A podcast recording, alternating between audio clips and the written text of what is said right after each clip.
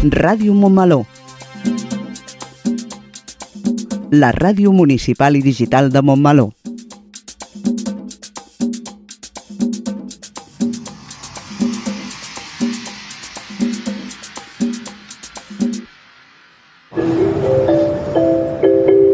Propera parada, Montmeló.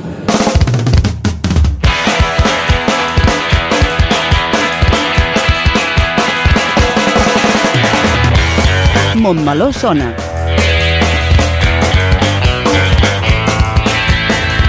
El magazín informatiu de Ràdio Montmeló.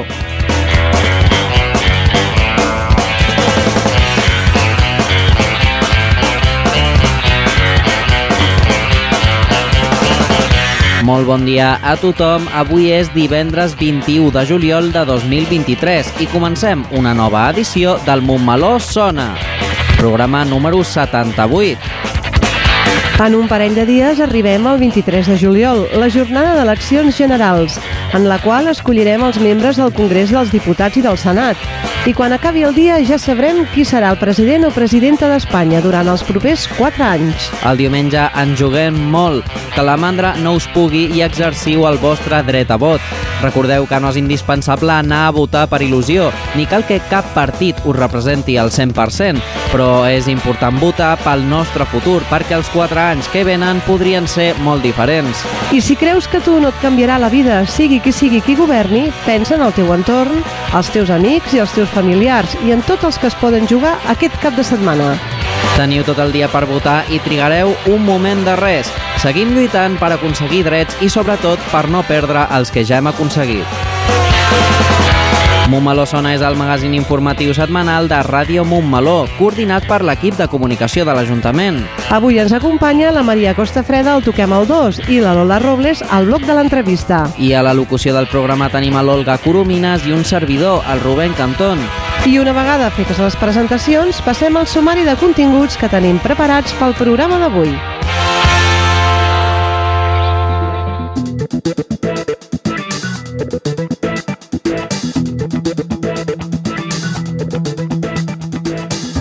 Comencem amb el Toquem el 2, on la Maria Costa Freda ens porta a Santa Eulàlia de Ronçana, amb motiu de la Fira del Tomàquet. Seguirem amb el nostre espai informatiu Crònica de Montmeló, on farem un repàs de l'actualitat del nostre poble. Després farem una ullada a l'agenda d'actes que podem trobar els propers dies a Montmeló. Tot seguit, la Lola Robles farà una entrevista al Ricard Nieves, cap de colla de grallers i gegants de Montmeló. I acabem amb el Dani i l'Albert de l'Oficina de Relacions amb la Comunitat que ens porten consells de seguretat. I com ja sabeu, tot això i alguna cosa més és el que trobarem al Montmeló Sona d'avui, 21 de juliol de 2023.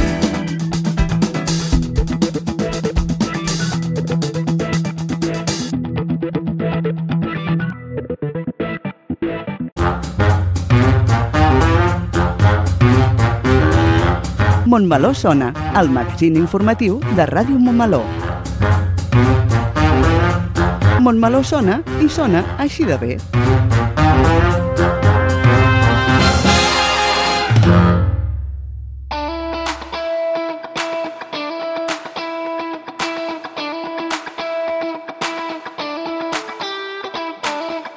Al Toquem el 2 d'aquesta setmana volem marxar cap a Santa Eulàlia de Ronçana amb motiu de la tretzena edició de la Fira del Tomàquet organitzada per l'Ajuntament de Santa Eulàlia de Ronçana i el Consell Comarcal. Tindrà lloc demà de les 9 del matí a les 21 hores de vespre i enguany la fira serà d'un sol dia amb programació de matí i tarda amb motiu de les eleccions del diumenge 23 de juliol. La reconeguda Fira Vallesana inclourà diverses activitats per a tots els públics com tallers, visites guiades o el tradicional show e-cooking. A més a més, els visitants obtindran el llibret Varietats antigues de tomàquets del Vallès i podran comprar tomàquets i productes locals directament als pagesos i productors de la comarca que ho cultiven i elaboren de forma artesanal. Les varietats locals dels tomàquets del Vallès seran els protagonistes de la fira, organitzada amb la col·laboració de Llavors Orientals, Slow Food Vallès, el Molí del Vendrell i el Gremi d'Hostaleria del Vallès Oriental amb el suport de la Diputació de Barcelona, xarxa de productes de la terra, Turisme Vallès i Vall d'Altenes Agrària. Com cada any, eh, l'exterior de la fàbrica acollirà parades de productors de proximitat on s'hi podran trobar tomàquets, així com pa, mel o verdures i hortalisses, entre d'altres. Les parades romandran obertes de les 9 a les 3 de la tarda i de les 17.30 a les 21 hores del vespre. A més, per cada 3 tiquets de compres superiors a 10 euros es podrà recollir de forma gratuïta un davantal de la fira.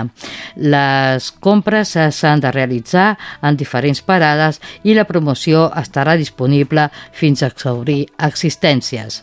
Una altra novetat de la Fira del 2023 és el servei de canguratge gratuït per infants de 4 a 14 anys, de 10 a 14 a 30 i de 17 30 a 20 hores i una zona chill-out amb serveis de bar i música d'11.30 a 15 i de 17.30 a 21 hora.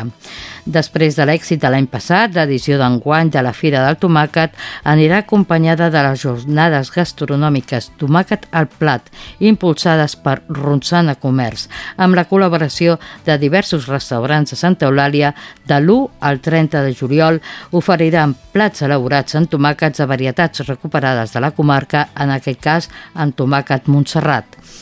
Per a més informació podeu visitar la web de l'Ajuntament de Santa Eulàlia de Ronçana on trobareu el programa complet amb els horaris i activitats organitzades a motiu de la Fira del Tomàquet. I fins aquí el Toquem el 2 d'avui. Us emplacem la setmana vinent amb més recomanacions. Bon dissabte de jornada de reflexió i que el diumenge no es quedi ningú a casa i tots i totes anem a votar. Des de les 9 del matí fins a les 8 del vespre estaran oberts els col·legis electorals i temps hi ha. Bon cap de setmana electoral.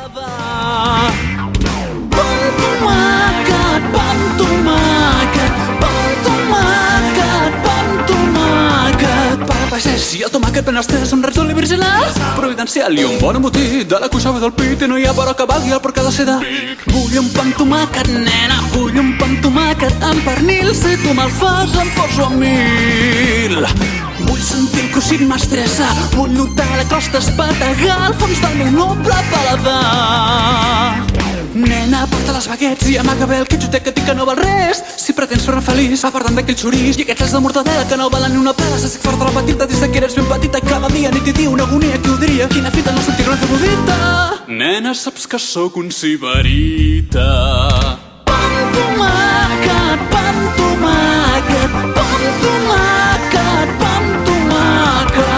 emoció, des que sento l'olor, la més gran degustació.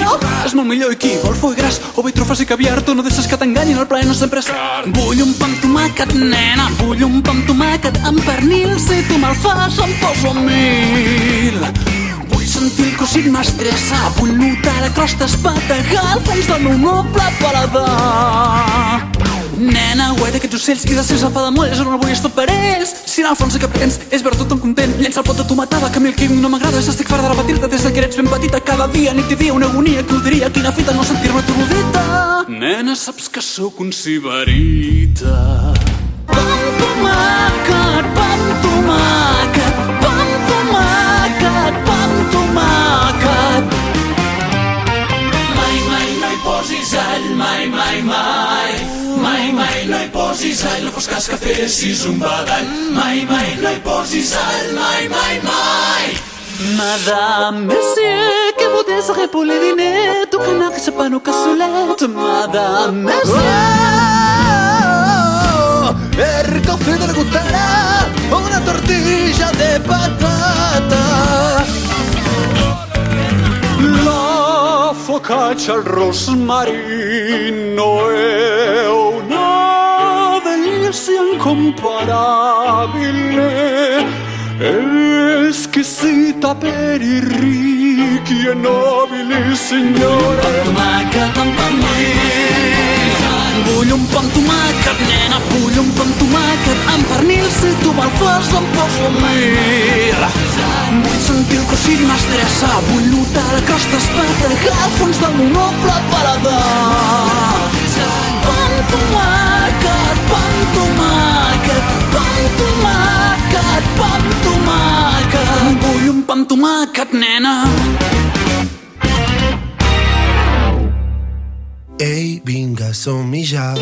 És el moment de fer el pas. A casa, a la feina i al carrer. Quan anem de festa o al taller. Parla'm amb el teu accent. Només hem de començar. Va, provem-ho en català. Tu per mi i jo per tu. I quan vulguis tots plegats. Molt per parlar, molt per Provem-ho en català. Molt per parlar, molt per viure. Generalitat de Catalunya. Sempre endavant.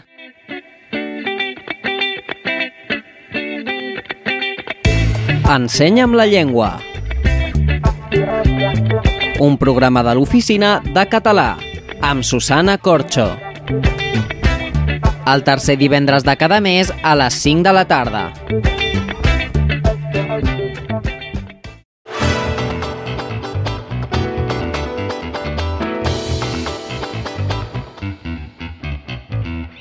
Entrem en el nostre bloc informatiu Crònica de Montmeló i donem pas una vegada més a les notícies locals més destacades d'avui, divendres 21 de juliol de 2023. Aquest és el sumari pel programa d'avui.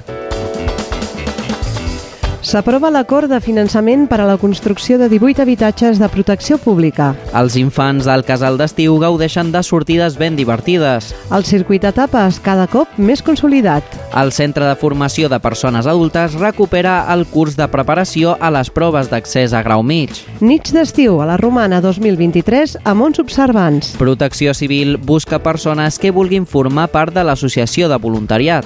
L'escola Bressol inicia el proper curs amb més alumnes que mai. La ministra de Transports, Raquel Sánchez, va visitar Montmeló ahir dijous. Els infants i joves de Montmeló marxaran aquest diumenge de colònies i de camp de treball respectivament. I per finalitzar el nostre informatiu tindrem el bloc de l'agenda d'activitats programades per aquest cap de setmana i el vinent a Montmeló. Comencem!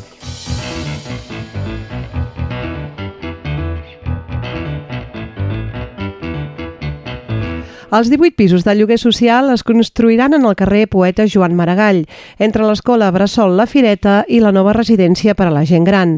Les obres, que començaran d'aquí a poc, tindran una durada aproximada d'un any. La Junta de Govern local de dimarts passat va aprovar l'acord per al finançament de la construcció de 18 habitatges de protecció pública a Montmeló, amb el Ministeri de Transports, Mobilitat i Agenda Urbana, la Generalitat i l'Ajuntament. Aquests pisos han rebut una ajuda en matèria de rehabilitació residencial i habitatge social del Pla de Recuperació, Transformació i Resiliència, finançat per la Unió Europea Next Generation European Union. Es tracta d'habitatges energèticament eficients amb destinació a lloguer assequible a Montmeló, que es construiran a través de l'Incasol.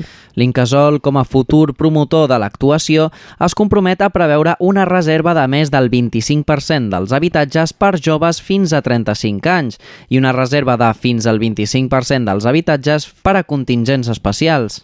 El projecte té un pressupost estimat de 2.902.500 euros, dels que un 15% es farà càrrec al Ministeri a través del Fons Generation i el 85% restant anirà a càrrec de l'Incasol. Ara l'equip de govern de Montmeló té previst treballar en els pròxims mesos conjuntament amb l'Incasol en la redacció d'un reglament que marcarà els criteris per accedir a aquests habitatges de lloguer social en el municipi. El casal d'estiu d'enguany ha realitzat diferents excursions on els infants han pogut gaudir d'una gran experiència al llarg del dia. Les activitats aquàtiques a la piscina i les sortides a diferents indrets són els moments més desitjats pels infants que acudeixen al casal d'estiu. Visitar un espai natural o un museu i gaudir de les seves activitats comporta tot un seguit de moments inoblidables i de coneixements nous. Els primers grups del casal d'estiu de Montmeló a gaudir d'aquestes experiències han estat P3 i P4, que van visitar el Cosmocaixa de Barcelona. Els infants van dur a terme una activitat al Planetari Bombolla i una gran visita a tot el museu, veient tota mena de coses extraordinàries. Els grups de quart i cinquè van agafar el tren i van marxar cap a Catalunya en miniatura. Allà van veure els llocs més representatius del territori tant a peu com des de les altures, ja que es van llançar per les grans tirolines. Els infants de P5 i tercer van anar a la selva de l'Aventura, on cada grup va dur a terme una activitat diferent. El grup de P5 va endinsar-se per un bosc caminant descalços, gaudint d'una experiència totalment sensorial. D'altra banda, el grup de tercer van enfilar-se per les altures, passant per passos aeris i diferents reptes que trobaven entre la natura del bosc. A hores d'ara encara queden dues excursions fantàstiques per gaudir amb la resta dels grups del casal d'estiu, una pel grup de joves i l'altra a primer i segon. Enguany participen en el casal 2023 un total de 312 infants. L'equip de monitors i monitores està compost per 46 persones. Aquesta edició finalitzarà el dia 28 de juliol amb una jornada especial de cluenda per acomiadar el casal fins l'any vinent. El cap de setmana després de la festa major, la festa va continuar a Montmeló amb el recorregut per tastar i valorar les tapes dels diversos establiments que han participat enguany d'aquesta iniciativa que promou la Unió de Botiguers, que ha arribat a la seva onzena edició. Cada cop són més les persones que, tretes per l'oferta gastronòmica diversa i a bon preu, aprofiten i gaudeixen de les degustacions del circuit de tapes de Montmeló. Enguany s'ha batut el rècord, amb 647 tapes venudes en un sol comerç, i com a mostra d'aquest gran èxit, la tapa guanyadora es diu Boom, del bar-restaurant Tu Rico, del carrer Major.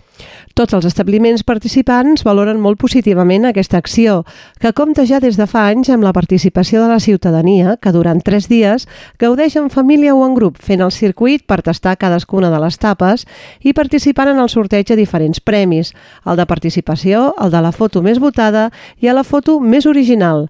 Felicitar l'organització d'aquesta edició del circuit de tapes, al restaurant Torrico i a les persones premiades.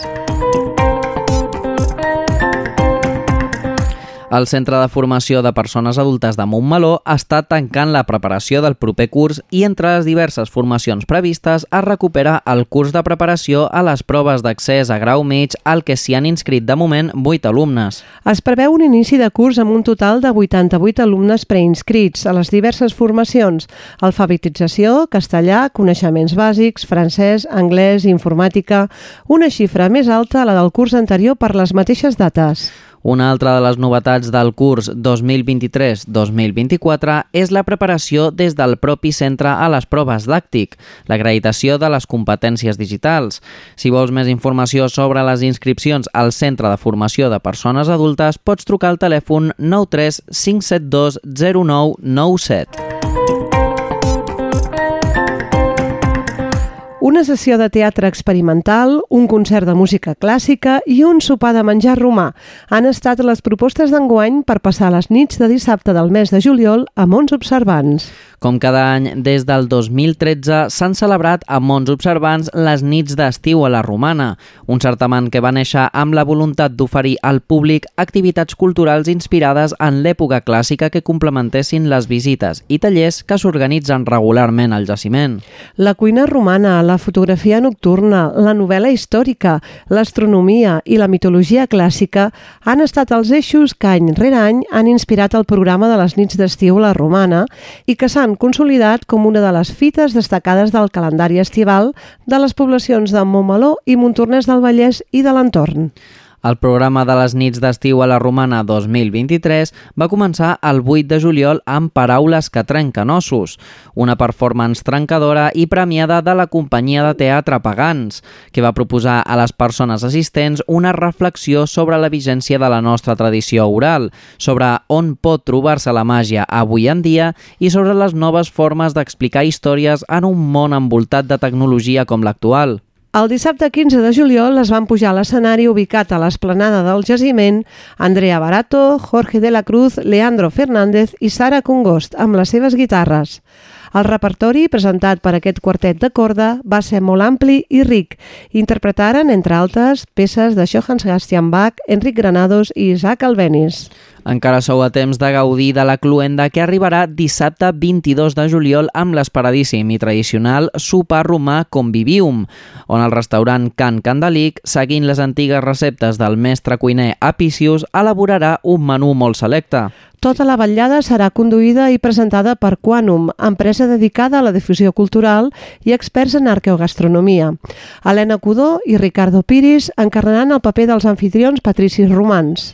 Com a novetat, enguany, el menú presentarà una opció infantil i també una vegana. Per assistir, cal que feu reserva a través de la plataforma antrapolis.com. Si alguna vegada has tingut la inquietud de dur a terme tasques d'ajut a la ciutadania de manera totalment altruista, l'Associació de Voluntaris de Protecció Civil de Montmeló cerca persones per incorporar-se a l'entitat. La principal tasca és la de col·laborar en la prevenció i seguretat dels actes públics i esdeveniments de tota mena, prestar col·laboració davant emergències, accidents de múltiples víctimes i catàstrofes i ser part activa en la informació a la ciutadania en matèria de protecció civil. L'associació dona suport als cossos d'emergència, ofereixen ajuda i col·laboració amb municipis d'arrel del territori nacional quan són requerits. Darrerament han donat suport al Gran Premi de Motociclisme de Cheste, inundacions d'Orihuela o festes majors de Guadalajara. Actualment, l'Associació de Voluntaris de Protecció Civil de Montmeló està composta de 9 persones de diferents edats i perfils que dediquen el seu temps lliure a tasques voluntàries al municipi. El local de l'entitat està situat en els baixos del número 2 del carrer Carlos Linde de Montmeló. L'entitat disposa de dos turismes, un d'ells dotat d'un equip d'extinció d'incendis i l'altre de material divers per donar resposta a qualsevol classe d'emergència. També disposa d'una motocicleta dotada amb llums prioritàries i equip acústic de sirenes. Per formar part del voluntariat de protecció civil de Montmeló és necessari haver complert 18 anys, disposar de temps lliure i superar un curs de formació bàsica de 70 hores de durada. L'esmentat curs de modalitat semipresencial s'imparteix a l'Institut de Seguretat Pública de Catalunya i contempla teoria sobre protecció civil, primers auxilis, extinció d'incendis i telecomunicacions, entre altres matèries. Les persones interessades a formar part del grup de voluntariat de protecció civil de Montmeló han de contactar per correu electrònic pcmontmeló.gmail.com. Si voleu conèixer una mica més a l'associació, no us perdeu l'entrevista de la setmana vinent. L'Escola Bressol La Fireta iniciarà el proper curs amb 107 alumnes, una xifra rècord en l'històric dels darrers cursos.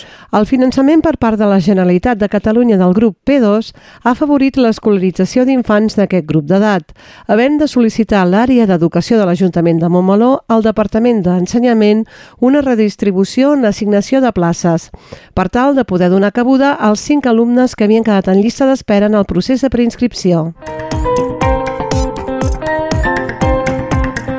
Dijous 20 de juliol, la ministra de Transports, Mobilitats i Agenda Urbana, Raquel Sánchez Jiménez, va ser rebuda a l'Ajuntament de Montmeló per l'alcalde Pere Rodríguez i els regidors i regidores del consistori.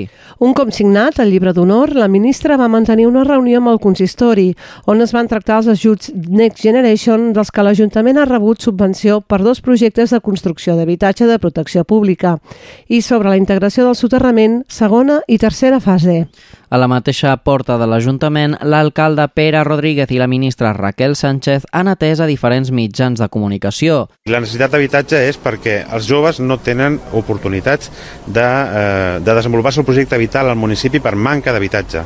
Per això és tan important aquest projecte, que juntament amb un altre de 43 habitatges que es desenvoluparà justament a continuació, farà que Montmeló tingui una bossa d'habitatge de lloguer eh, públic, municipal, eh, que permetrà que com a mínim 43 famílies més 18 dels altres dels, dels que es construiran ara puguin desenvolupar el seu projecte vital a Montmeló. Sobretot doncs, bueno, posant, posant de relleu doncs, aquest, aquest acord que, que ja hem assolit entre les administracions i que faran possible que en un temps determinat, no? ara estem doncs, acabant d'ultimar el redactat d'aquest conveni, però per poder fer efectiu, com deia l'alcalde, aquesta urbanització de la segona fase del soterrament de, de Montmeló.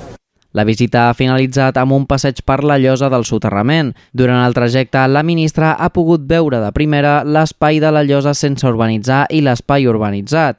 La passejada ha finalitzat dins de l'estació Adif. I acabem el bloc de notícies parlant de les colònies d'estiu. Un any més, el CIC Esplayat organitza aquesta activitat per als infants de Montmeló. Per conèixer una mica més sobre aquesta activitat d'estiu, parlem amb el Pol Maia, president de l'entitat. Bon dia. Bon dia. Gràcies per acceptar la nostra trucada. Gràcies a vosaltres. Tot a punt per les colònies d'aquest any? Sí, sí, sí, estem ja acabant els últims detalls, les últimes coses que ens falten i sí, tot preparat i amb moltes ganes de que arribi a diumenge i poder gaudir amb tots els infants. Hi ha dos tipus d'activitats, segons l'edat, oi? Les colònies i el camp de treball. A quines edats s'adrecen? Doncs sí, ha, fem dues activitats i les colònies són per infants que van des de 4 anys fins als infants que estan ara mateix cursant segon de l'ESO i camp de treball va de, pels infants que, bueno, que ja són més joves de tercer de l'ESO fins a primer de batxillerat. I, I quin dia marxeu de colònies i fins quan? Marxem aquest diumenge 23 pel matí, tornem diumenge 30, és a dir, una setmaneta, tornem diumenge 30 per la tarda. Una, una setmaneta, no? Una setmana, sí. I on aneu aquest any?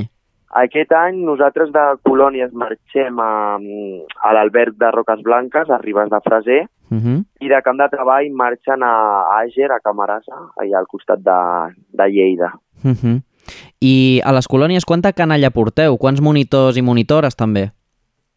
Aquest any portem aproximadament són 70 nens, si no m'equivoco, 70 infants, i l'equip de monitors som 17 monitors. I camp de treball marxen 12 joves i 4 monitors també. Uh -huh. I, I com funcionen unes colònies? Ens pots explicar breument un dia de colònies? Sí, doncs, bueno, ens aixequem primer els monitors per despertar els infants, un cop després ja bueno, fem esmorzar, ens despertem, fem esmorzar i tot això, endrecem una mica el que són les habitacions i llavors fem una activitat de matí que cada grup de cada grup d'infants la fa amb, el, amb els seus monitors. Després, el, tocant ja al migdia, fem una estona de piscina, una, amb, diguéssim, una estona conjunta de piscina, Uh -huh. i després ja fem dinar i migdiada, i un cop llegats de la migdiada fem berenar, i a la tarda jocs conjunts, que jocs conjunts, bueno, com bé diu el nom, són activitats conjuntes amb tots els nens de, que marxem de colònies, a, que giren entorn al nostre centre d'interès. Llavors, un cop acabem els jocs conjunts i després ja fem cançoner. Uh Després del cançoner sopem i per acabar el dia fem el, el joc de nit també. Uh -huh. Doncs són dies plens d'activitats. No, això, que són dies que no, no parem, o sigui, al final és una setmana que se'ns passa super ràpid i també es tracta d'això, no? de, de que ens ho podem passar bé entre nosaltres. Mm. I per altra banda, el camp de treball, què, què vol dir camp de treball? Què, què és el que fan els joves? Bueno, al final no deixen de ser una, unes colònies, sí que és veritat que és en un lloc a part, diguéssim, de la casa d'on estem nosaltres de colònies, i el, principalment l'única diferència és que en comptes de fer joc de matí, duen a terme tasques no, que beneficien a la zona on estan o a la casa, de, a la casa on estan, no? ja sigui des de doncs, netejar un camp o construir casetes pels ocells, alguna escala, alguna tanca, no? algú que els hi pugui servir de benefici a la casa i la resta del dia realment és semblant al, al de les colònies. Uh -huh. I per, per què creus que és important o és interessant que, que els joves s'apuntin a, a aquestes activitats, tant al camp de treball com a les colònies? Bueno, al final són activitats on els, els infants i els joves també es desenvolupen com a persones i guanyen autonomia, perquè al final eh, estan sense els seus pares i nosaltres sí és veritat que els ajudem, però sempre deixem que ells facin per si sols, que aprenguin a... No? Els, els donem també tasques a l'esperar a taula o netejar, uh -huh. i al final ells això també ho aprenen, són valors que transmetem a l'esplai i que ells aprenen. Sí, sí, mo- molt important per a aquestes edats. I, i, i quantes persones hi teniu inscrites? De colònies, Sí, tant a colònies De- com al camp de treball. Sí, de, de colònies són unes són 70 infants i de camp de treball 12. Doncs espero que us ho passeu molt bé i doncs res, moltes gràcies, que vagi molt bé aquesta setmana de colònies i també al camp de treball. Moltes gràcies a vosaltres. Merci.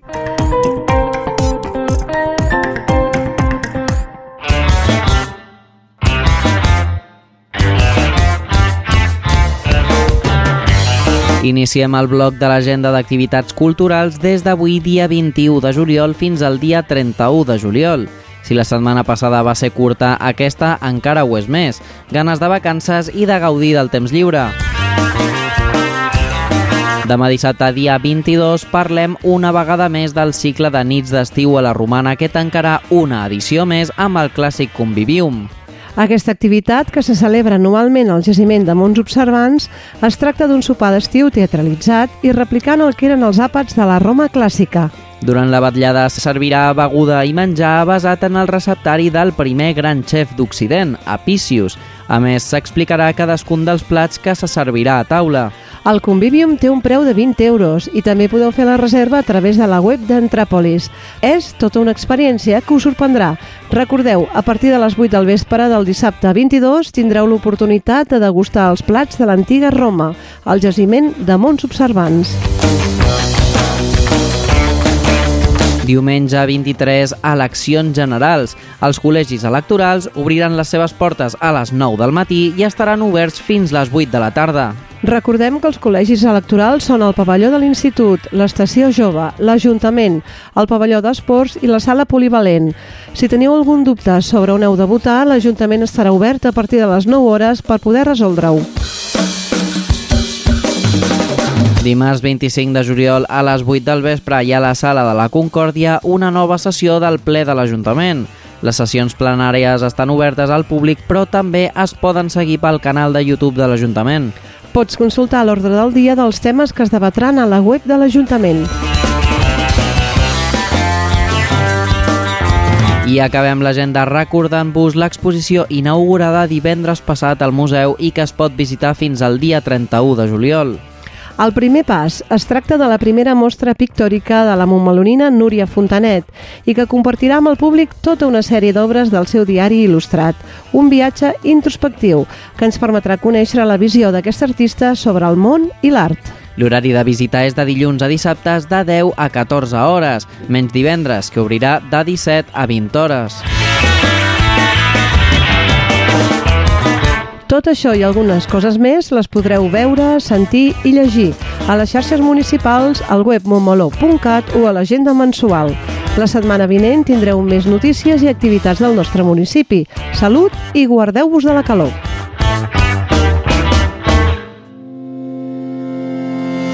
Desde ahora mismo y aquí, hacia donde quiera que estés, parte de mi alma parte a tu encuentro. Sabes que te llevo dentro mío, igual que yo sé que tú me llevas dentro. Se trata de un leve pulsar que se abre camino hacia ti cruzando las estaciones, constelaciones, los momentos. Digo que esta vida es llevadera solo porque sientes tú lo que yo siento. ¿Dónde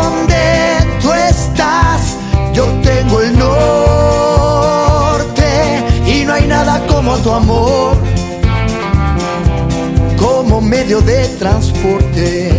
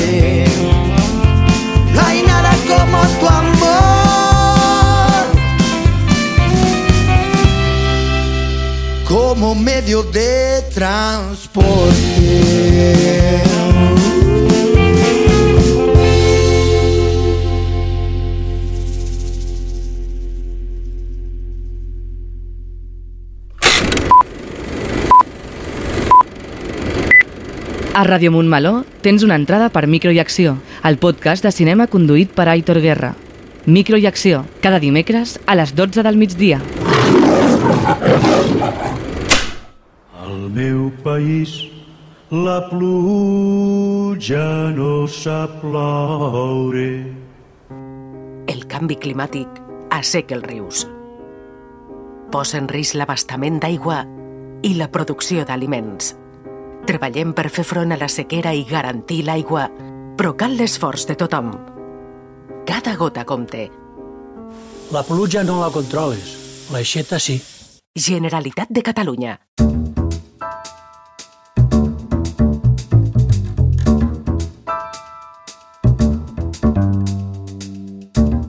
La Colla de Lleganters i Graiers de Montmeló és una de les entitats amb més tradició al nostre municipi. Per parlar sobre el seu funcionament, contem a l'apartat de l'entrevista d'avui del Montmeló Sona amb Ricard Nieves, cap de colla. Bon dia, Ricard. Bon dia, Lola. Com estem? Molt bé. Gràcies per haver vingut. A vosaltres per convidar-nos. Uh, primer de tot, en quin moment es troba actualment uh, l'entitat i com aconseguiu mantenir viva la tradició dels gegants en la societat actual? Bueno, actualment malament no estem. Malament no ens podem queixar. La veritat és que des que vam estrenar els gegants nous al 2021, gegants que pesen menys, són més fàcils de dur, la gent jove que ja teníem a la colla s'ha enganxat una mica més. Hem recuperat amb algú que feia temps que no venia i la música és el que tenim ara una miqueta més fluixet, però bueno, estem amb, estem amb ello. Estem amb, amb ganes de fer alguna cosa i de cara al setembre començarem a, a fer alguna cosa. Quina és la història eh, que hi ha darrere dels gegants de Montmeló com a entitat i com a tradició? Quins són els seus orígens?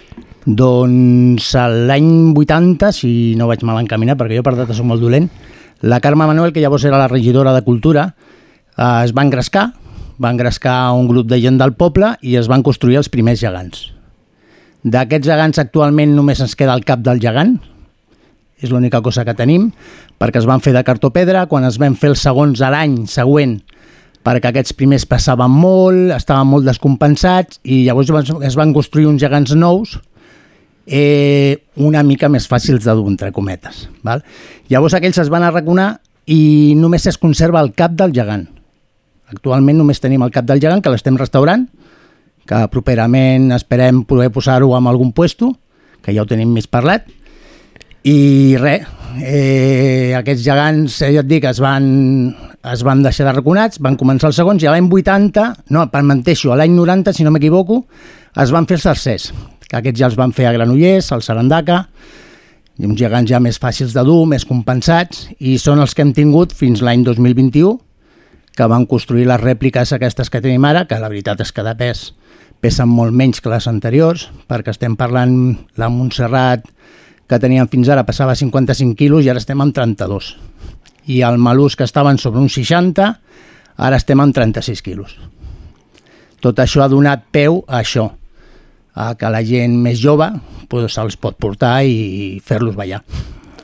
Uh, sou una de les entitats més arrelades al municipi. Quanta gent ha passat per la colla de llegantes? Jo m'imagino que molt, molta gent, moltíssima no? Moltíssima gent, moltíssima gent. És que la veritat és que diria noms, però em deixaria algú, em sap greu, però molta gent del poble ha passat per la colla, molta gent. Sí, sí, ha sigut una de les entitats, jo crec que, que hem continuat, perquè portem 43 anys eh, presents a Montmeló, traient els gegants, excepte l'any de, de pandèmia, que, bueno, que encara així els van treure. Encara així els van treure, amb els remolcs i tal, i els van, els van treure. I ja et dic, eh, és una entitat a la que ha passat molta gent del poble. Possiblement una, un dels temes més difícils amb el que us trobeu des, deu ser el relleu generacional. Com potencieu l'espai geganter? Quines in iniciatives porteu a terme per apropar el món geganter als infants i als joves? Nosaltres ja fa anys eh, vam tindre la sort de que tenim dos gegantons que ens els van cedir dues famílies que en el seu moment van construir dos gegantons petitons, que són l'Unai i el Pelut, i bueno, els nens els portaven i quan els nens vam deixar de portar els gegants ens els van cedir. Llavors ara ja portem uns anys que cada any, per Festa Major, els portem a la llar d'infants, també portem el Jordi, els deixem allà, estan allà aproximadament dos, tres setmanetes, i el dijous de Festa Major la llar d'infants organitza un petit cercavila, per dir-ho d'alguna manera, i hi ha tot un grup de nens que acompanyen els dos gegantons i el Jordi fins a l'Ajuntament. Allà a l'Ajuntament tenim els gegants grans i ja quan arribem allà els Cisco Tullat els explica la història dels gegants de Montmeló, parla una miqueta amb ells, els hi fem un parell de balls i d'aquesta manera hem aconseguit que la canalla no li tingui por als gegants. Sí, era el que t'anava a preguntar. S'assusten? Bueno, ja que sí, ja que no. Però la veritat és que els hi han perdut la por. Els hi han perdut la por. El dijous, amb el toc d'inici, que els tenien plantats a la Quintana, estaven tota l'estona els nens petits entrant i sortint de sota dels gegants grans. Ojo, això era algo que abans era impensable. I avui en dia ho hem aconseguit. Actualment, actualment tenim dos, quatre, almenys cinc nens que porten aquests gegants. Vale? Eh, ara se'ns ha afegit una família de Vilanova que han construït un gegant nou, que el van presentar a la festa major, el Fideu, i que venen a les trobades, ja aniran venint a les trobades. És la manera d'apropar els gegants a, als petits i d'aquí pues, algú un altre acabarà, acabarà enganxant-se. Esperem que sí. S'ha de tenir alguna habilitat especial per portar o fer ballar un gegant? I quin és el paper de cada membre de l'entitat en les actuacions? Aviam, per portar un gegant fan falta ganes. Fan falta ganes. El problema del gegant no és el pes, és l'alçada. Tens tot el pes a dalt i has d'aprendre a compensar aquest pes. Però ja et dic que no és un problema de, de pes en general. Home, un gegant de 80-90 quilos, sí. Has d'estar fort, has d'estar fort per dur-lo. Però els que tenim actualment són molt fàcils de dur. Són molt fàcils de dur. O sigui, no hi ha cap problema. I fer-los ballar cadascú fa, fa el capot. Cadascú fa el capot. Jo, per exemple, sóc dels que diu que si no porto 50 quilos al damunt no ballo. I és veritat. O sigui, jo normalment no ballo. Però quan estic sota del gegant, bueno, et transformes i balles aquelles coses que de normal no ballaries. De normal no ballaries. Després també hi ha les parelles, perquè com fem ballar el Malús i la Montserrat, sempre hi ha amb el que tens, amb el que t'entens millor. O sigui, jo, per exemple, amb el Carmelo Martínez porto ballant pues em sembla que són 20 anys. O sigui, no hem de parlar. Ens fiquem sobre del gegant i anem fent. I surt al ball i surt bé, però també perquè ens entenem. I ara amb la gent jove que tenim a la colla hi ha molt, dues parelles i hi ha molta complicitat entre ells i la veritat és que dona gust ver-los ballar. Clar, això Però és és que els petits, que ens veuen ballar els grans, fan pràcticament el mateix. Llavors, la veritat que t'omple de goig, t'omple de goig veure aquells nens ballar i que fan allò que tu fas amb els grans. Parlem una mica de la vestimenta dels gegants. Hi ha algun tipus de significat especial o simbolisme al darrere? Bueno, en el cas dels nostres gegants, el Malús indiscutiblement és el romà i porta la toga i, i això. I la Montserrat, doncs bueno, sí que és veritat que la d'ara està inspirat amb el tratge de pobilla del segle XVIII o alguna així, perquè el constructor va fer una mica de recopilació i la roba que porta actualment la Montserrat està inspirada amb la roba que portaven les pobilles en aquella època. Mm -hmm. I heu notat eh, si per part de la canalla hi ha, hi ha algun gegant al que se li tingui més estima o predilecció? O... Dels grans, la veritat és que va, va per igual. Hi ha qui es tira més pel, pel malús, més per la Montserrat, els petits. Els petits sí que és una autèntica bolleria. El pelut i l'unai, la veritat és que a la canalla els hi torna bojos i hi ha baralles, hi ha baralles, eh, sobretot ja dic el dijous, el dijous de festa major i el dia de festa major era una bogeria perquè tothom volia agafar volia agafar-los i portar-los. Un fet curiós és que eh, en Malús té sis dits, no, dits a, a la seva mà esquerra. Hi ha alguna història al darrere que es pugui, que es pugui contar? Bueno, eh, la història que nosaltres expliquem, eh, la que expliquem, la, la realitat és una altra, no? El Malús era un pretor romà, a Roma creien molt en la perfecció i el Malús tenia sis dits en una mà i per això el van desterrar a terres catalanes, no? Eh, la veritat és que quan es va construir el gegant es volia fer com un, una peça més a la mà per introduir dintre un paper amb el nom de tota la gent que havia participat.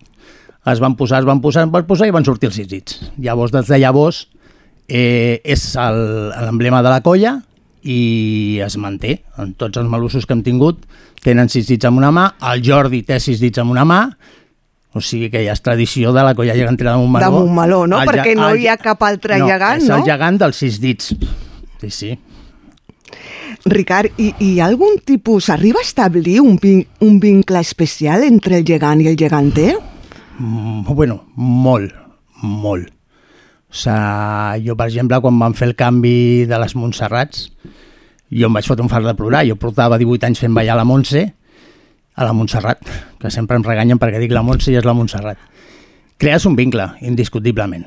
És el teu gegant, el tens li tens agafat el pes, li tens agafat la forma de fer-ho ballar, com moure el que pots fer, que no pots fer, sí que es crea un vincle. Penseu que el gegant és una figura inanimada. Tu li dones la vida. O sigui, tu li dones la vida. Si tu balles d'una manera, ella balla d'aquella manera.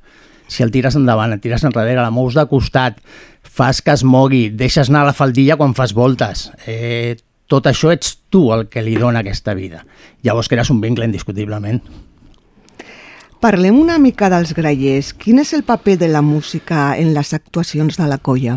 Bueno, són el que ens dona la vida, eh? Al final de compte, la música és el que ens dona... Portar un gegant sense música és molt avorrit, molt, moltíssim.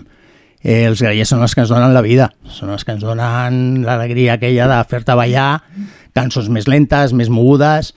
Jo me'n recordo quan nosaltres vam entrar a la colla, que llavors venia a tocar l'Agustí Tristany amb una colla que ell tenia, i quan entràvem al Carmelo i jo als gegants era la gallega, la gallega, que això és moltíssim, i no paraves de fer voltes, i no paraves de fer voltes. Dóna la vida, la música. I teniu un repertori específic o us adapteu segons el tipus d'actuació que feu? Els grallers tenen un repertori. La que sí que és veritat que, per exemple, tenim ja peces específiques.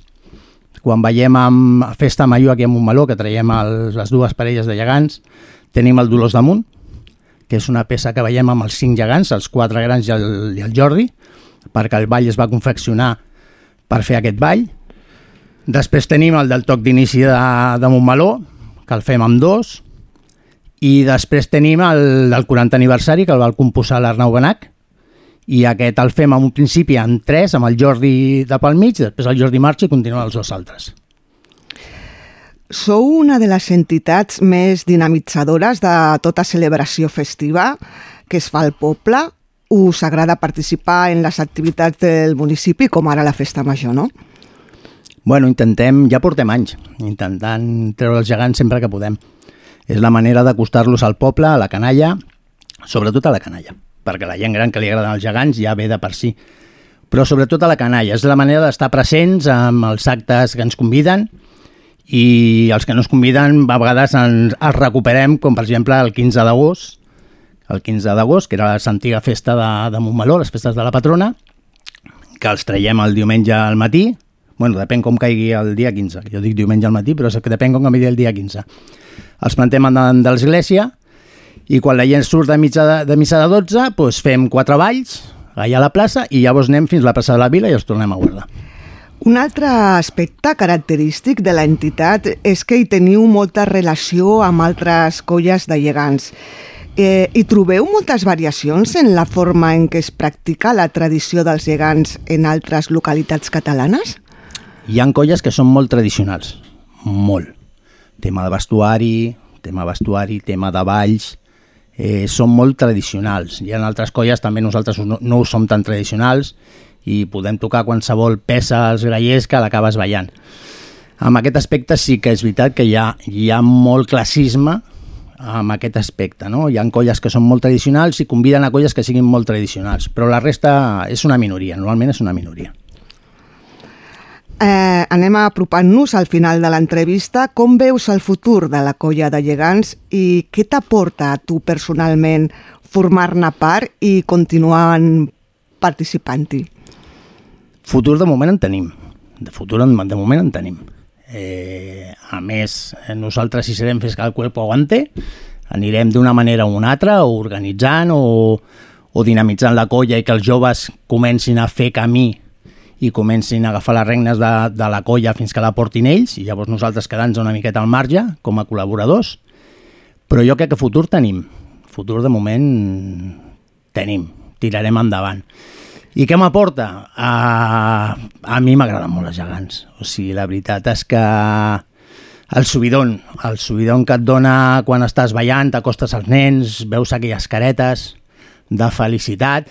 Aquest any que la gent ens va, Festa Major ens va acompanyar tot el cercavila, això t'omple molt. Això veure que la gent et fa costat i tot això, la veritat és que agrada molt. Per exemple, aquest any també ens van regalar un mocador nou per la Montserrat, per la última, eh, la, la Milagros, que és la dona del Cisco d'Utollat, ens va fer un mocador, i aquest any la Paquita Ojeda ens, va, ens volia fer un regal i ens va regalar un mocador per l'altra per l'altra geganta, que li vam, la vam estrenar per Festa Major. Això t'omple. Que la gent se'n recordi de la colla i que estiguin allà, això t'omple molt. I per acabar, uh, com es, es pot entrar a formar part de la colla gegantera eh, i què és el que es trobarà qui vulgui participar? Per entrar a la colla és molt fàcil. Vindran ganes, vindran ganes, eh, trucar a qualsevol de, de nosaltres o per correu, a l'Instagram, a un missatge, i que es trobarà una gran família.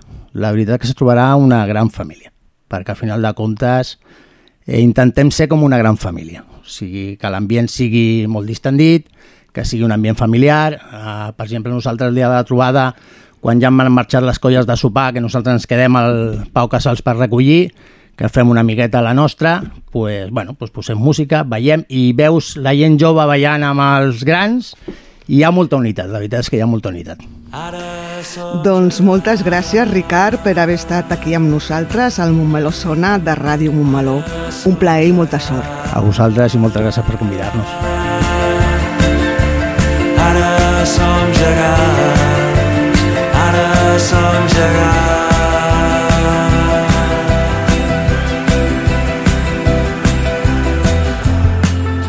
Potser recordes quan ens enfonsaves el cap dins el mar.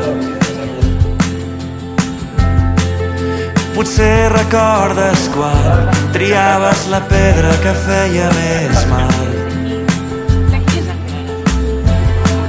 I escopies paraules plenes de fang i entraves als somnis que fan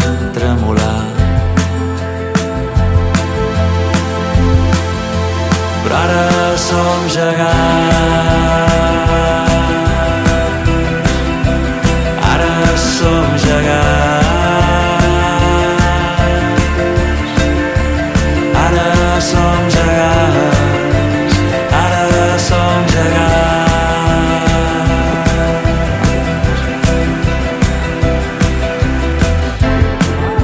Potser recordes quan t'apropaves i abaixàvem el cap. Recordes quan et suplicàvem un tros de pa.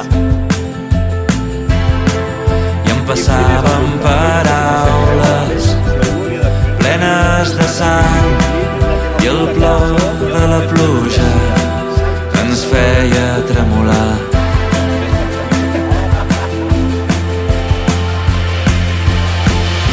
I vist des d'aquí dalt ets un satèl·lit que es va allunyant. Ets una nota que s'apaga. Ets un record que ja no fa mal. I vist des d'aquí dalt ets un satèl·lit que es va allunyant una nota que s'apaga ets un record que ja no fa mal. Ara som gegants. Ara som gegants.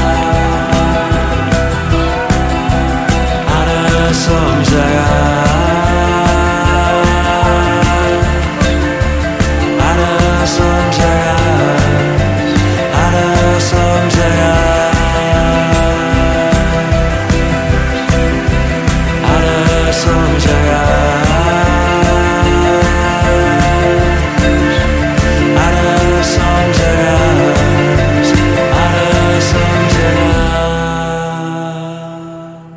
T'imagines un lloc on descobrir, on explorar? Un lloc on llegir, aprendre i compartir? Tot això i molt més a la teva biblioteca. La Diputació de Barcelona i els ajuntaments posem al teu servei 228 biblioteques i 10 bibliobusos per apropar-te a la cultura i al coneixement. bibliotecavirtual.diva.cat Diputació de Barcelona. El primer diumenge de cada mes, acompanya'ns a Ràdio Montmeló a prendre un vermut amb Alex Atanes, Bruno Cáceres i un convidat nou cada programa. Un vermut con, el primer diumenge de cada mes a Ràdio Montmeló.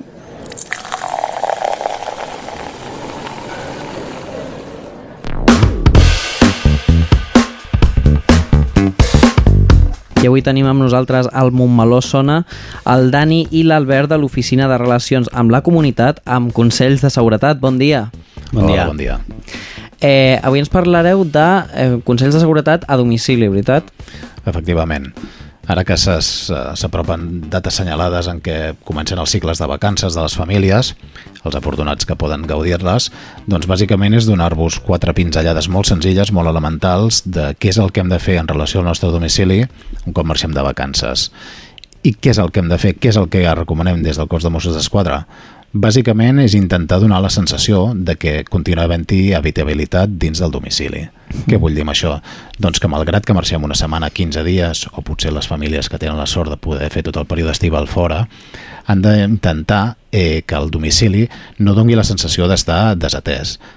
Exemples amb això, amb alguns d'aquests exemples, intentarem també eh, demanar la col·laboració de familiars que es quedin en el municipi, si viuen, o sobretot fer molta, molta confiança en els veïns que tinguem, els veïns de Replà o els veïns del, del costat, tant és si, visquem, si vivim una, una comunitat vertical com en cases aïllades. I exemples, superimportant, no deixem mai que s'acumuli la correspondència, ja sigui l'ordinària, com les, les, les promocions comercials que ens deixen a les bústies. Una bústia plena de, de, de, de, de cartes m'està donant a mi la pista de que aquell domicili, el del tercer primera, poso per exemple, eh, hi ha una certa desatenció i aleshores si jo estic fent uns actes preparatoris com a delinqüent per intentar eh, fer una mica d'escatir de, quin és el que està ocupat o el que no està ocupat, doncs prioritzaré ja d'entrada aquell que veig que les bústies estan eh, plenes. Què podem fer també per donar certa sensació? Doncs insistir en el que comentava abans. Eh, si tenim algun veí, algun familiar que ens pot passar pel domicili un parell de cops per setmana, ens pot moure una mica les persianes. Si tenim plantes exteriors, ens les rega una mica. Pot semblar anecdòtic, però unes plantes extremadament seques i malauradament més amb la calor que tenim al damunt, eh, em pot donar una sensació també de que ja fa dies que no hi passa ningú. Altres, altres eh, exemples que podem posar intentar ser que eh, també hem de ser molt curosos amb la despesa energètica que tenim, però bé, potser en torn de tarda vespre, que algú ens passi a encendre'ns una llum, sobretot una llum que pugui ser visible exteriorment, no una llum d'una habitació interior. En definitiva, se'ns podrien acudir mil exemples però al capdavall el que ens interessa és això, donar certa sensació d'habitabilitat, de que hi ha gent que hi està fent el seu dia a dia i que, per tant, doncs aquell, aquell domicili no serà, si se'n permet l'expressió, objecte de desig per part d'algú que vol, vol entrar a robar-nos. Mm. I per part d'algú que vol entrar a robar-nos, què, què, què ens podeu dir en relació als marcadors que poden fer a casa? Des de, des de Mossos d'Esquadra és un, un, un tema que es ve treballant de manera ordinària, però sí que a vegades ens interessa molt tornar a significar els conceptes i és que la gent entengui el que és el concepte de marcador. Què és un marcador? Un marcador, per definició, és un, una, un senyal que posen els, els, els, la, la gent que té la intenció d'entrar al nostre domicili a robar i que és una cosa molt discreteta, ja pot ser una petita peça en forma de, de, de pinça de metacrilat, ja pot ser una, un fil molt, molt, molt, molt, molt discret de silicona o de qualsevol altre, subje altre objecte eh, que, que s'enganxi. I és el que es, es posa entre el marc de la porta i la pròpia porta en forma de filet, per exemple Per què ens serveix això o per què els hi serveix això els que estan preparant, eh, els que estan buscant a veure quin és el domicili al que accedeixen? Ells habitualment el que fan és, poden fer batudes dins de comunitats verticals i a cada una de les portes, sobretot a la part inferior, sobretot a la part inferior del, de, de la porta, posen aquesta mena de filet de goma que va entre el marc i la, i la, i la pròpia porta. Res, estem parlant de mil·límetres. I ells ho posen allà. Si veuen i això ho fan un dilluns, per exemple, i si veuen que el divendres aquell filet no està trencat o que la peça de metraquilat no ha caigut a terra, vol dir que aquella porta de moment en una setmana no l'ha obert ningú. Mm. Per tant, ja els està donant pistes també, com significàvem abans amb el tema de les bústies, de que en allà, doncs, de moment no hi ha ningú i per tant eh, és més susceptible de ser eh, de que es produeixi una entrada en aquell, en aquell eh, immoble que no pas a un altre. Insisteixo, són molt, molt, molt petites, però si ens hi fixem bé les podríem detectar. En relació a això, ens agradaria comentar també una mica la, la necessitat o el que nosaltres recomanem, sobretot a les comunitats eh, verticals, als pisos, de que eh, potser entre els veïns també és necessari eh, fer una mica de, de conciutadania i eh, en qualsevol cas, eh, si nosaltres, com sempre posem l'exemple, jo visqués a un tercer o un quart i pugés per les escales, si detecto que en el, en el, en el primer, en el segon o en el tercer jo pujo i veig que hi ha un, un marcador, tot i que el pis no sigui meu, jo m'aturo allà i truco el 112. És superimportant que la gent truqui el 112, sigui el nostre habitatge o no sigui el nostre habitatge. I en qualsevol cas, un cop el detectem, eh, no obrim la porta.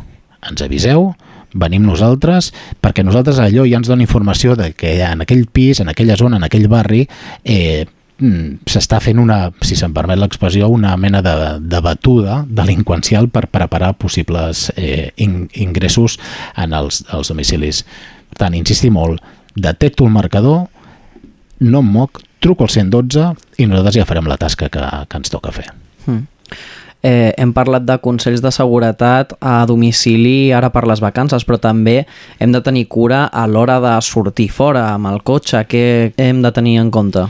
Doncs un dels consells bàsics que nosaltres donem és que eh, no es perdi mai de vista el nostre vehicle. Des de que sortim des del punt A, si se'n permet, fins al punt B, que és la nostra destinació, sempre hem de tindre controlat el nostre vehicle.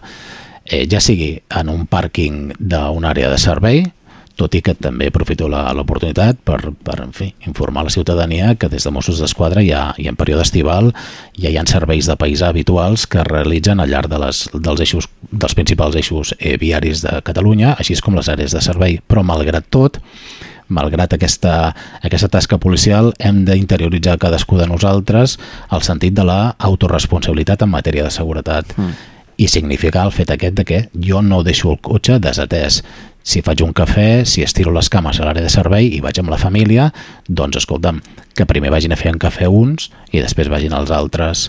Uh, perquè de fet eh, el que i, i en relació a una campanya de seguretat que també hem estat fent aquestes darreres tres setmanes hem d'entendre i interioritzar que el nostre vehicle no és una caixa forta i que per tant en el nostre vehicle no hi hem de deixar cap tipus de pertenença. Hmm. Hi ha alguna cosa més que vulgueu afegir de cara a aquests consells de... durant les vacances? Val, significa, com sempre diem, que, que el 112 és un telèfon d'emergències, mm. un telèfon que efectivament s'utilitza quan malauradament hem estat víctimes d'un fet o hem tingut un accident, però recordar a la gent que el 112 també es pot utilitzar quan tenim una sensació, una percepció més o menys objectiva d'inseguretat. Aquestes trucades al 112 de manera preventiva activen serveis policials que moltes vegades poden ser exitosos perquè poden detectar la presència eh, de coneguts que d'una manera recurrent es dediquen doncs, al, que, al que comentàvem abans a entrar dintre el que serien els robatoris d'interior domicili o el que puguin ser robatoris d'interior de vehicle i recordar que el 112 és un telèfon gratuït de cobertura absoluta sobre tot el territori i que no fa falta, fins i tot la gent que encara tingui targetes de prepagament en el seu mòbil, que no fa falta que hi hagi saldo, perquè sempre està operatiu i és gratuït. Doncs moltes gràcies, Dani i Albert, per passar-vos per la ràdio. Molt bé, disposar. Gràcies a vosaltres.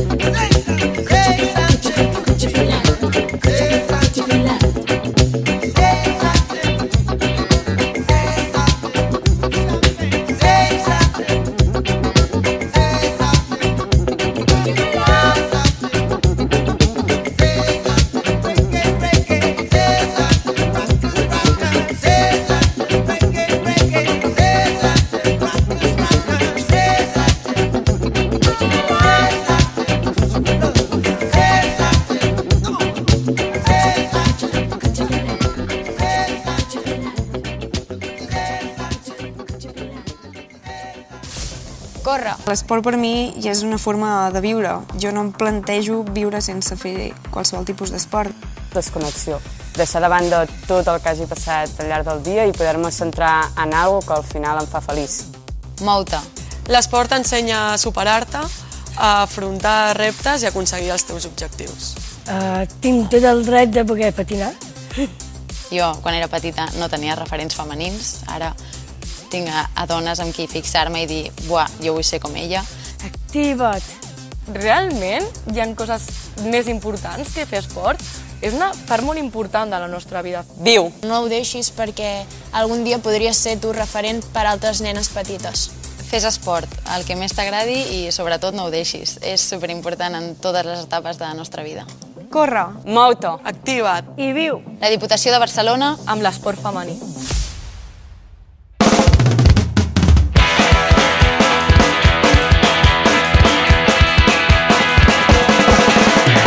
Ja hem arribat al final del programa, però abans de marxar recordem la programació de la nostra emissora durant la propera setmana.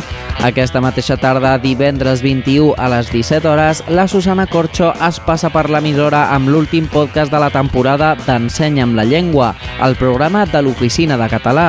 Dilluns 24 a les 5 de la tarda tenim la segona emissió del Casal d'Estiu a la ràdio, presentat en aquesta edició pel grup de sisè del Casal d'Estiu de Montmeló.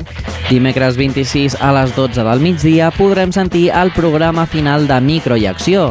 El programa de cinema de l'Aitor Guerra s'acaba i no la temporada, s'acaba del tot, així que no us ho podeu perdre.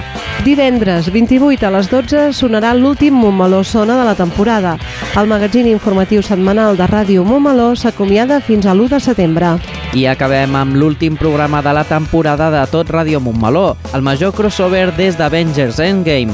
Estem parlant de Un Vermut con Montmeló Sona, on l'Àlex Atanes i el Bruno Cáceres xerraran amb l'equip del Montmeló Sona. I amb tot això marxem, però com ja és costum us volem recordar que podeu contactar directament amb l'emissora si teniu qualsevol idea, suggeriment o opinió mitjançant el nostre correu radiohumor.montmeló.cat o a través del telèfon i WhatsApp 637 150 702. Molt bon cap de setmana a tothom, passeu una bona jornada de reflexió i aneu a votar el dia 23. La setmana que ve Montmeló tornarà a sonar per últim cop aquesta temporada divendres 28 de juliol de 2023 a les 12 del migdia.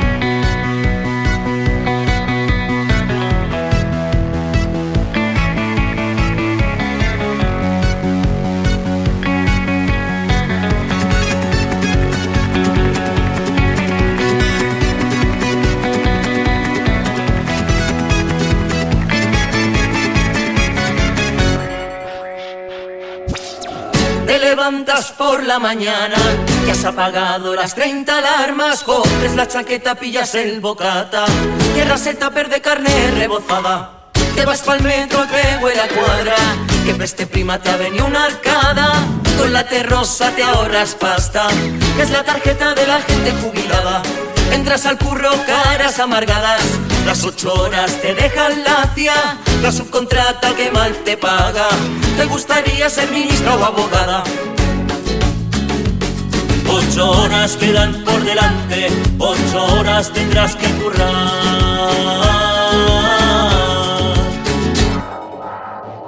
Todos los días lo mismo, todos los días lo mismo, todos los días lo mismo. Hay todos los putos días igual, todos los días lo mismo, todos los días lo mismo, todos los días lo mismo. Hay todos los putos días igual. Te vas al váter, miras el móvil, tú pierdes tiempo y a ti te pagan. Envías WhatsApps, quedas para luego, que hoy te lías, que no te escapas. ¡Que no te escapas! Son menos cinco y se cae tu boli. Ya se ha acabado la puta jornada. Se te ha cambiado hasta la cara. Y antes de irte echas la última meada. Llevas seis cañas, ya estás liada. Que solo es martes, estás preocupada. Que viene el Juanra, que esto se alarga. Ya estás pensando en una excusa para mañana. Venga, vamos a pensar que le decimos a la jefa. ¿Que qué le digo? Que no estoy fino. ¿Qué excusa pongo? Dime, mi amigo. Que está muy mala, que está pa' cama. No se lo envíes de madrugada. Stephanie, hola guapa. Oye, perdona, mira que no voy a poder ir mañana, eh, que tengo, tengo unos pelos en el juanete. Anda, anda, ¿cómo va a ser eso? Borráseme el Ay, ay, sí, borro, borro. No, no, hombre. Stephanie, guapa, oye, que mira que no puedo ir mañana, eh, que me duele el párpado. ¿Cómo te va a doler el párpado? No, eso Borra, borra. vale, borro, borro. Bórralo. Stephanie, oye, guapa, que mañana no voy, eh. Bueno, mira, te digo la verdad, que tengo ladillas. Todos los días lo mismo. Todos los días lo mismo. Todos los días lo mismo. Hay todos los putos días igual. Todos los días lo mismo. Todos los días lo mismo. Todos los días lo mismo. Hay todos los putos días igual. Estamos aquí, aquí en el bar. Y mañana no voy a trabajar. Estamos aquí, aquí en el bar. Y mañana no voy a trabajar. Estamos aquí, aquí en el bar. Y mañana no voy a trabajar. Estamos aquí, aquí en el bar. Y mañana no voy a trabajar. Estamos aquí, aquí en el bar. Y mañana no voy a trabajar. Estamos aquí, aquí en el bar. Y mañana no voy a trabajar.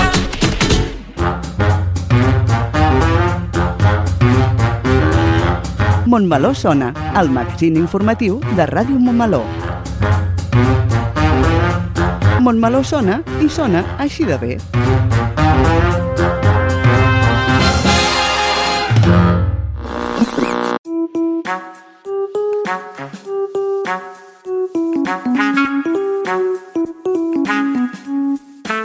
Ràdio Montmeló. Sintonitza'ns al web radiomontmeló.cat i a través de les xarxes d'Instagram, Facebook i Twitter. Ràdio Montmeló, la ràdio municipal i digital de Montmeló.